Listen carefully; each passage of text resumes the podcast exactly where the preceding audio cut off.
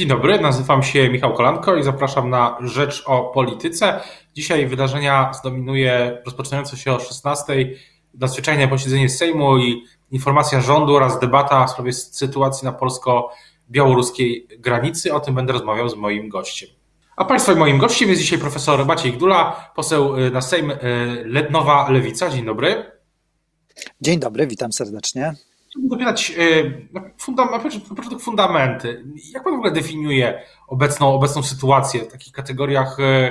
Oczywiście mówimy o kryzysie na granicy polsko-białoruskiej. Czy jak poważny jest to kryzys i jak on się mieści w wydarzeniach historycznych? Bo na przykład Prawo i Sprawiedliwość, wiceszef MSZ, pan Paweł Jabłoński mówi, powiedział dzisiaj w jednej z audycji porannych, że to, co się teraz dzieje na tej polsko-białoruskiej granicy, to jest najpoważniejsze zagrożenie dla Polski od obalenia komunizmu.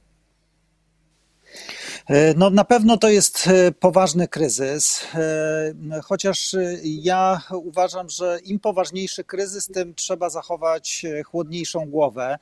I moim zdaniem też takie pompowanie tego kryzysu ponad miarę, znaczy pokazywanie, że jest to największe zagrożenie dla polskiej państwowości niemal, nie sprzyja temu, żeby racjonalnie podejść do rzeczy. To jest poważny kryzys, nie ma co tego ukrywać. Dlatego też Lewica zaapelowała od razu o zwołanie Rady Bezpieczeństwa Narodowego do prezydenta. Myślę, że jeżeli sytuacja jest poważna, no to wszystkie siły polityczne powinny usiąść do stołu i roz, rozmawiać nad rozwiązaniami. Natomiast też nie, nie możemy tracić z oczu tego, że tego typu kryzys zdarzał się już w Unii Europejskiej kilka razy. No ostatni ten taki duży kryzys w 2015 roku uchodźczy, większy od tego, który mamy teraz na granicy polsko-białoruskiej. Różnica jest taka, i to musimy oczywiście brać pod uwagę, że tamte kryzysy były trochę bardziej naturalne, to znaczy wynikały bezpośrednio z wojny w Syrii. Natomiast ten kryzys jest oczywiście pokłosiem sytuacji na Bliskim Wschodzie, ale jest w dużej mierze mierze wywołany przez Łukaszenkę, wywołany przez Erdogana i wywołany przez Putina. No bo moim zdaniem ja mam z tym wielki problem, że nie rozmawiamy w ogóle o Erdoganie, który dowozi tych ludzi Łukaszence.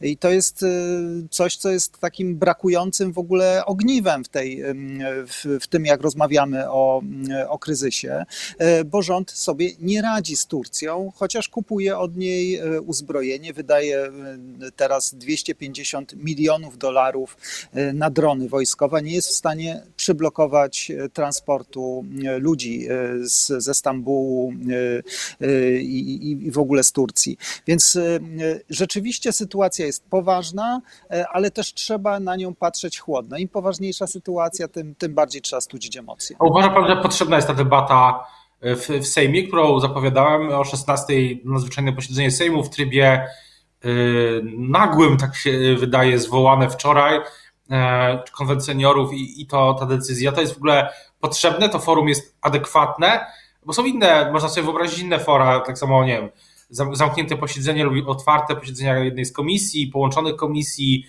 Rada Bezpieczeństwa Narodowego, co apeluje nowa lewica, lub inne, inne fora, spotkania w, w innych formatach. Tych, tych możliwości było sporo, a powiedzmy tak sobie szczerze, PiS wybrało akurat tę. No bo zawsze jak PiS wyciąga rękę do opozycji, to się trzeba pięć razy zastanowić, o co chodzi w tej grze. I moim zdaniem, no zwołanie dzisiaj posiedzenia no to jest w jakimś sensie, można powiedzieć, naturalne, no bo Sejm powinien się zebrać, żeby debatować nad trudną sytuacją w kraju, ale Prawo i Sprawiedliwość wie, że kiedy jest 460 osób na sali, kiedy są emocje, bo w Sejmie są zawsze emocje, to bardzo łatwo jest wywołać konflikt. A moim zdaniem taki, taki zwyczajny, normalny, codzienny konflikt polityczny i to jest trochę pułapka zastawiona na opozycję. Mam nadzieję, że opozycja się zachowa rozsądnie i będzie merytorycznie krytykować rząd i merytorycznie zadawać pytania, a nie da się złapać na to, że bo Prawo i Sprawiedliwość po prostu przygotowuje tę sytuację jako pokaz tego, że oni wyciągają rękę, no a opozycja znowu tę, tę rękę odtrąca i w sytuacji zagrożenia kraju wybiera taki, taką tak bycie totalną opozycją. No, tego, tego trzeba się wystrzegać oczywiście, ale moim zdaniem posiedzenie Sejmu zwołane dzisiaj to jest coś, co ma przykryć to, że nie ma zwołanej Rady Bezpieczeństwa Narodowego, bo to jest teraz forum, na którym powinna się odbywać dyskusja. W takim razie jaki będzie przekaz, że tak się wyrażę, lewicy? Co, co lewica dzisiaj, jakie, jakie ma aksjomaty, na, jeśli chodzi o, ten, o tą debatę? Bo tam chyba są 10-minutowe wystąpienia klubów i kół i przedstawicieli klubów i kół parlamentarnych. Na pewno Jedną z rzeczy, którą już w zasadzie mówimy od dłuższego czasu, my tu jesteśmy bardzo konsekwentni, e, jeżeli chodzi o sytuację na granicy. E, po pierwsze, e, rząd obiecywał, że sobie poradzi bardzo szybko, wprowadzając stan wyjątkowy, wyrzucając dziennikarzy z granicy, wyrzucając posłów, wyrzucając NGOsy. Na początku września minister Kabiński obiecywał, że będzie za chwilę stabilnie i nic takiego się nie zdarzyło ani we wrześniu, ani w październiku. No i widzimy, jak się, jaka jest sytuacja na początku listopada. E, dla nas e, ważne jest to, żeby mieć inną strategię niż tę, którą proponuje rząd, albo żeby ją rozszerzyć. Oprócz uszczelniania granicy, e, to trzeba po pierwsze zachować się przyzwoicie. Moim zdaniem, w naj, nawet najgorszych sytuacjach trzeba się zachowywać przyzwoicie i humanitarnie. I to jest też coś, co jest sprawdzianem dla działania państwa. Państwo to nie jest tylko taka twarda siła, ale to, jest też, to są też miękkie umiejętności, umiejętność zaopiekowania się ludźmi, e, stworzenia im e, normalnych warunków e, do życia w tej trudnej sytuacji, rozpatrzenie ich wniosków azylowych, zorganizowanie powrotu do domu, jeżeli nie będą spełniali kryteriów ochrony międzynarodowej. To są rzeczy, które należy robić. Rzecz niezwykle ważna na dziś to jest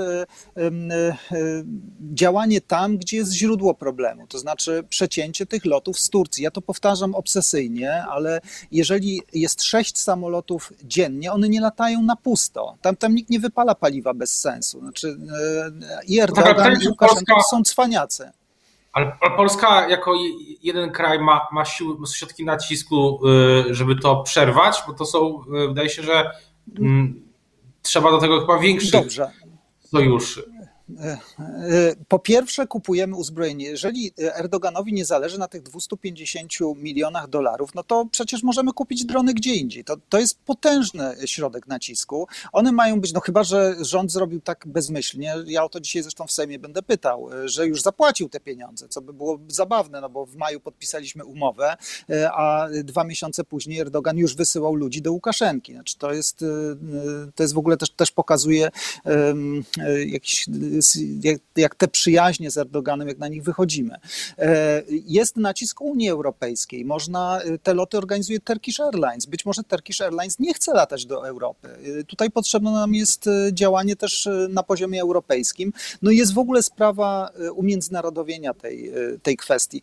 W moim przekonaniu Prawo i Sprawiedliwość chce pokazać Unii Europejskiej, nie zapraszając na przykład Frontexu, że jest w stanie sobie Polska sama poradzić, że w ogóle nie potrzebuje Unii Europejskiej, że to jest taka gra w kontekście wyroków TSUE i sporu o praworządność. Jeżeli wy nam chcecie dyktować, to my wam pokażemy, że my wam do niczego nie potrzebujemy. To jest głupie. E, uważam, że to jest zła strategia, bo umiędzynarodowienie tego konfliktu, e, czy tej, tej sytuacji na granicy, to jest coś, co tak naprawdę pokazuje, że Polska nie jest sama e, i że może liczyć na sojuszników. No to jest jakaś podstawowa rzecz wobec tego, że jesteśmy teraz pod naciskiem nie tylko Łukaszenki, ale Erdogana i Putina.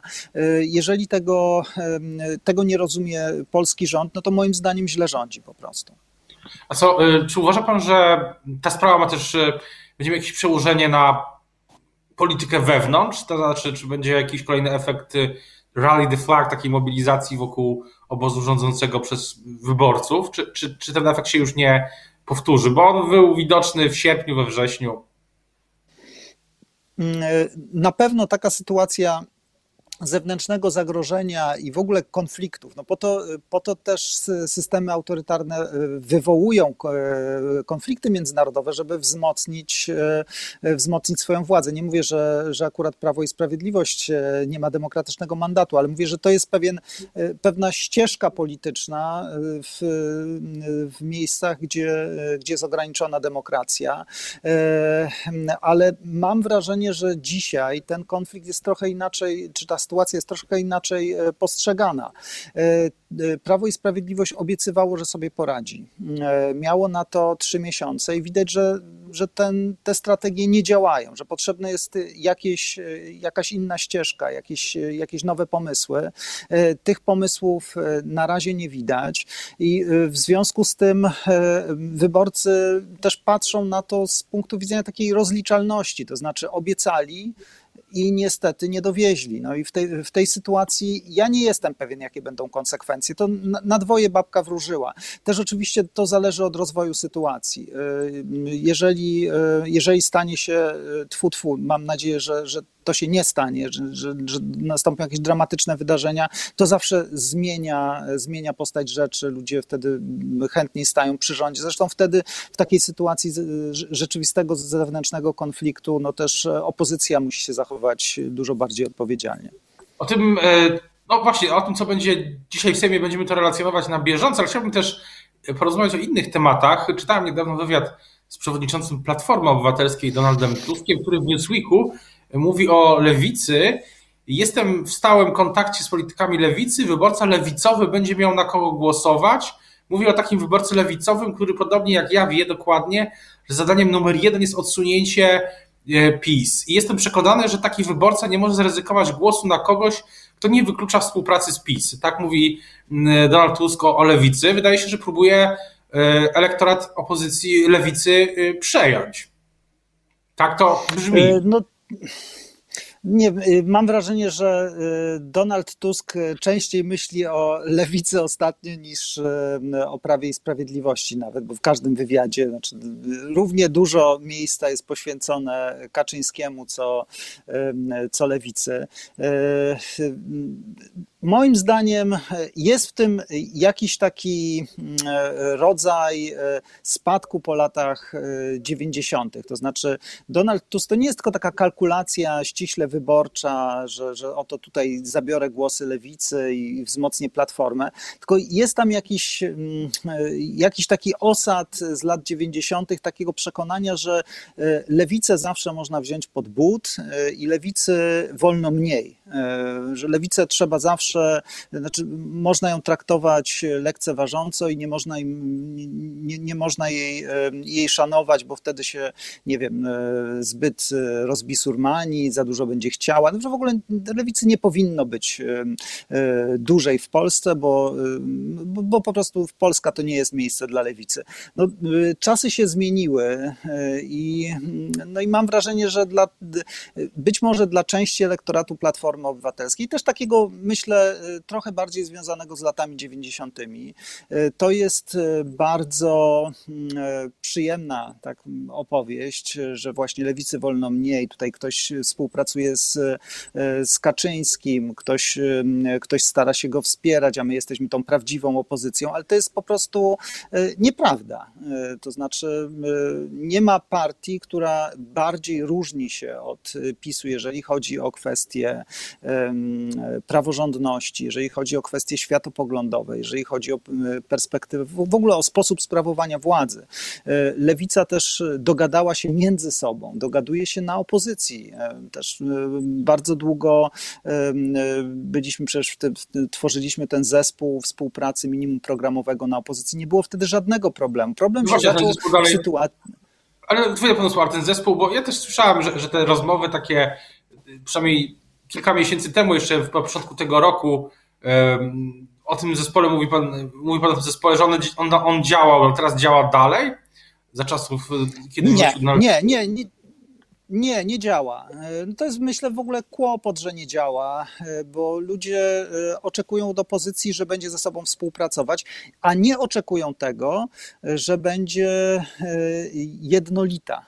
Nie oczekują zjednoczenia opozycji, oczekują współpracy opozycji. To jest dość rozsądna perspektywa. Dzisiaj jedyna perspektywa tak naprawdę na odsunięcie PiSu od władzy. Jeżeli ktoś myśli, że niszcząc lewicę odsunie PiS od władzy, to ma błędne kalkulacje formację, albo chce rządzić z Konfederacją, bo to też jest możliwe. Być może Donald Tusk tak naprawdę woli Bosaka, woli Winnickiego, woli Korwina-Mikke niż, niż Czarzastego, Biedronia i Zandberga. No nie wiem, nie, nie, możliwe. No, nie, nie byłbym taki wstrząśnięty tym, ale ja patrzę na to w ten sposób. Dzisiaj bez lewicy nie da się zbudować prawdziwie demokratycznego rządu, nie takiego tylko, który odsuwa PiS od władzy, ale też takiego z gruntu demokratycznego. I po prostu e, Donald Tusk będzie e, zmuszony w sytuacji wygranych wyborów budować rząd, e, rząd z silną lewicą i z, prawdopodobnie z silną Polską 2050.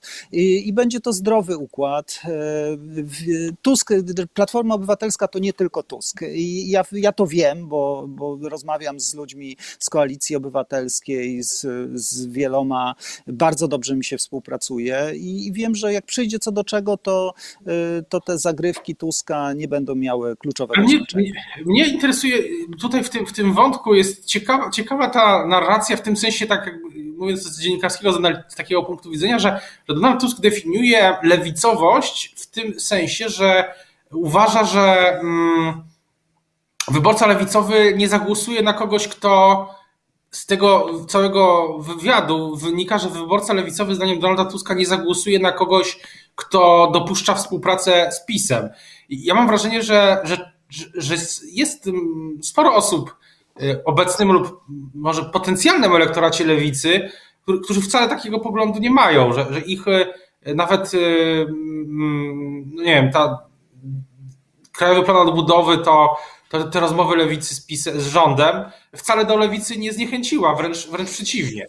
Co więcej, wydaje się, że niektórzy no. wyborcy PiS mogą, yy, mogą też, yy, albo ci niezdecydowani bardziej, yy, dla nich też to nie jest grzech. Ja myślę, że trzeba tutaj rozróżnić dwie rzeczy. Jedna to jest to, że w pewnych kwestiach, kiedy pojawiają się na przykład ustawy albo tematy, które są ważne dla lewicy, na przykład bezpieczeństwo ruchu drogowego, e, kwestia przemocy domowej, e, nie wiem, piątka dla zwierząt, czy e, wreszcie wielkie, olbrzymie pieniądze dla Polski, które jednocześnie są ważnym krokiem w jednoczeniu Unii Europejskiej, tak, w budowaniu nowego etapu integracji, bo, bo tam jest wspólne zadłużenie się. I że wtedy lewica tak na przykład głosuje razem z PiSem, albo jak w przypadku KPO negocjuje, na co te pieniądze powinny pójść, no to wyborcy lewicowi doskonale to rozumieją, bo też uważają przytomnie moim zdaniem, że im więcej pozytywnych zmian, tym lepszą Polskę po PiSie otrzyma, otrzymają partie opozycyjne do rządzenia. Natomiast zupełnie czymś innym jest e, współpraca na takiej zasadzie, czy, czy e, dopuszczamy sytuację, w której po wyborach na przykład budujemy rząd rząd e, z PiSem, e, z Ziobrą, e, nie wiem, i z, i z PSL-em. No, ja te, na, na, przykład w jakiejś takiej konfiguracji, no ja tego nie dopuszczam. Znaczy, moim zdaniem Prawo i Sprawiedliwość jest skompromitowane jako państwo, jako partia rządząca i, tutaj nie ma miejsca na taką współpracę powyborczą, koalicyjną. No, to Polskę trzeba odtworzyć jako, jako państwo w pełni demokratyczne, jako państwo, w którym się szanuje obywatela, w którym, e, e, w którym są przestrzegane standardy e, i które jednocześnie zachowuje pewne rozwiązania, które FIS wprowadził, na przykład jak, jak 500. O tym, co dzisiaj w Sejmie, o tym oczywiście też, co dalej w relacjach opozycji, będziemy o tym rozmawiać. Ten wątek, o którym Pan mówił, tego zespołu programowego, który działał, nie działał, myślę, warto będzie, będzie go też, to też będziemy śledzić. Teraz bardzo dziękuję za rozmowę Państwa i moim gościem dzisiaj był profesor Maciej Gdula, poseł na Sejm Nowa Lewica, poseł na Sejm z Krakowa. E, też dodam. Dziękuję bardzo. Dziękuję uprzejmie, pozdrawiam serdecznie.